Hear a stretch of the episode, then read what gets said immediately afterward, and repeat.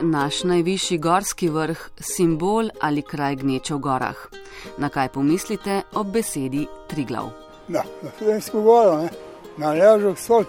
Na to, da ne bom šla nikoli gor. Pohodništvo. Ok, se pravi pač na goro, pa pač na slovensko zastavo oziroma grb. Slovenija. Ja, na ponos slovenstva. Ne le ponos. Že leta 1947 je najvišji vrh Julijskih Alp in Slovenije, visok 2864 metrov, postal državni simbol v slovenski ustavi nekdanje Jugoslavije. Leta 1991 smo ga uvrstili v novi grb in zastavo Republike Slovenije. Vprašanje pa je, kakšna bi bila vloga te gore danes, če je leta 1895 ne bi kupil dolžki župnik Jako Paljaš.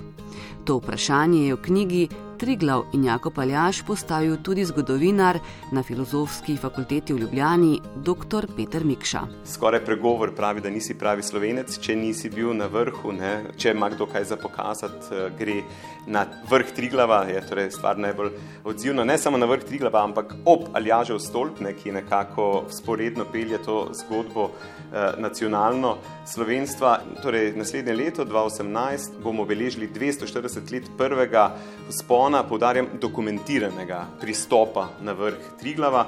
Prvi zapis, ki govori, da so ljudje prišli na vrh in pustili tam sledove, je pa res, da tako v strokovni eh, javnosti težko verjeti, da bi že prej bil kakšen eh, obiskovalec na vrhu, ker je Triglav vseeno tehnično bil tedaj še bolj zahteven, ker danes imamo ta slavni greben Triglavski med malim in velikim umetno razstreljen z, z varovali in tako naprej. Tedaj je v bistvu bil ta greben širok le 30 cm in so ga prvo pristopniki na nek način jahali, da so prišli čez v bistvu Vsi pripovedujejo, da je bilo strašno. Ne? Torej, lahko trdimo, da eh, pred tem prvim pristopom 78. leta štirih srčnih mož na Triglavu ni bilo ljudi. Štirje srčni, rudarja Luka Korošec in Matej Škos, lovec Štefan Rožič in Lorenz Vilomicer, ki ga je za ranocelnika v stari fužini postavil Cojs. To je Osem let pred prvim pristopom na Mont Blanc, oziroma če imamo veliki klik, oziroma Gross Glockner, 22 let pred najvišjim vrhom nemškim, ne sicer sta višji, ampak tehnično je Triglav zelo zahteven in teda je že to na nek način med temi razsvetljenci, izobraženci, je Triglav prihajal nekako v eno eh, dojemanje, predvsem pa ga je utrdil že konec 18. Eh, stoletja Cojs, Žiga Cojs je bil kot lastnik Fužin okrog Triglava zainteresiran, da uh, zve, kaj, če so kakšna nahajališča železove rude pod Triglavom. Še bolj ga je pa zanimalo čisto uh, nastanek kamnin, ker je pač bil uh, zbiral kamnine in jih pošiljal po Evropi.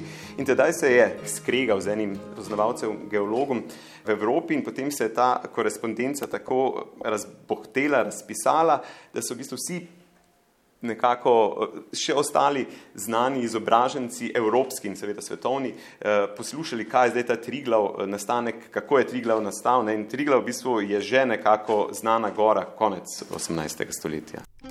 No, konec 19. stoletja pa je službovanje na Dovjem pod Triglavom prevzel župnik in velik rodoljub Jakob Aljaš. On je tudi tisti, ki je na neki način nacionalni boj za gore med Slovenci in Nemci pripeljal do konca. Za en gol dinar, toliko je takrat stalo 10 litrov mleka ali 50 jajc, je kupil špico velikega Triglava 16 kvadratnih metrov in tam postavil slovensko markacijo stolp današnji Triglav, pomen Triglava je v bistvu korenini v Jakobu Aljažu in času tedanjem in razlogih, da je Jakob Aljaž šel postaviti uh, stolp, ker moramo vedeti, da je na nek način bil čas boja za gore, ne? torej boja med Nemci in Slovenci. Nemci so se v tistem času lastili pri nas vse, ne? torej uh, tudi gorski svet in uh, znano je, ne, da so pač Triglav imeli za svojega očaka, ne, torej Triglav, Altvater in tako naprej.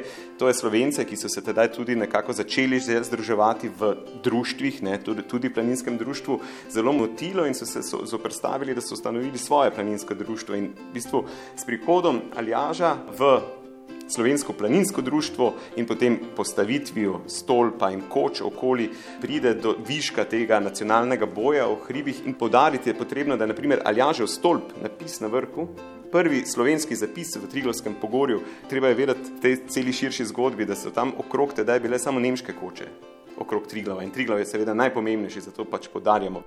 Aljaža so Nemci za vse njegove graditve tožili kar sedemkrat. Čeprav je bil lastnik nakupa Slovensko planinsko društvo, je bil njihov cilj vedno dolžki župnik.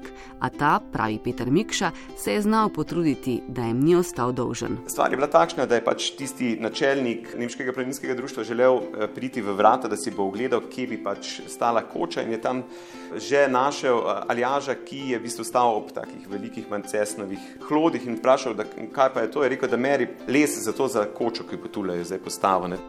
In že takrat je Jakob Aljaš razmišljal, kaj bo Triglav pomenil za njegove zanamce. V enem od svojih zapisov v planinskem vestniku je zapisal, da v prihodnosti vidi električni vlak iz Luknina Triglav in na vrhu Grand Hotel. Zanimivo, ne? on je že 1897. leta pisal, da je v sanjah videl, kako železnica pelje. To je sicer ta zgodba gorskega turizma, ki je že bila prisotna v Švici, pa Avstriji. Torej, na nek način so takrat že proti Aigerju na Jungfrau Joh, mislim, da gradili z obato železnico, pa proti Cermatu, torej pod Materhornom, ampak zanimivo, da je on takrat razmišljal o ideji, ki je bila zelo blizu uresničitvi deset let kasneje. Torej, 1907. leta je šel projekt Triglavskih železnic torej načrti so bili že v nulo narejeni, do leta 1909 uh, sta jih dva inženirja, en od njih uh, slovenski je delal na bohinjski železnici, torej ta povezava, zakaj se gre z bohinjsko železnico, se bohin odpre v turizmu in potem so ugotovili, da bi Triglav lahko približali. Uh, ni pa bilo realizirano finančno, ampak v bistvu delno tudi verjetno zaradi bližajoče se že svetovne vojne. Ne, zanimivo, ne, kaj, bi, kaj bi bilo danes če bi ta železnica peljala na Triglav, verjetno bi bil to najbolj rentabilna proga, eh, kar se tiče števila prevoznikov gor in dol. Ne.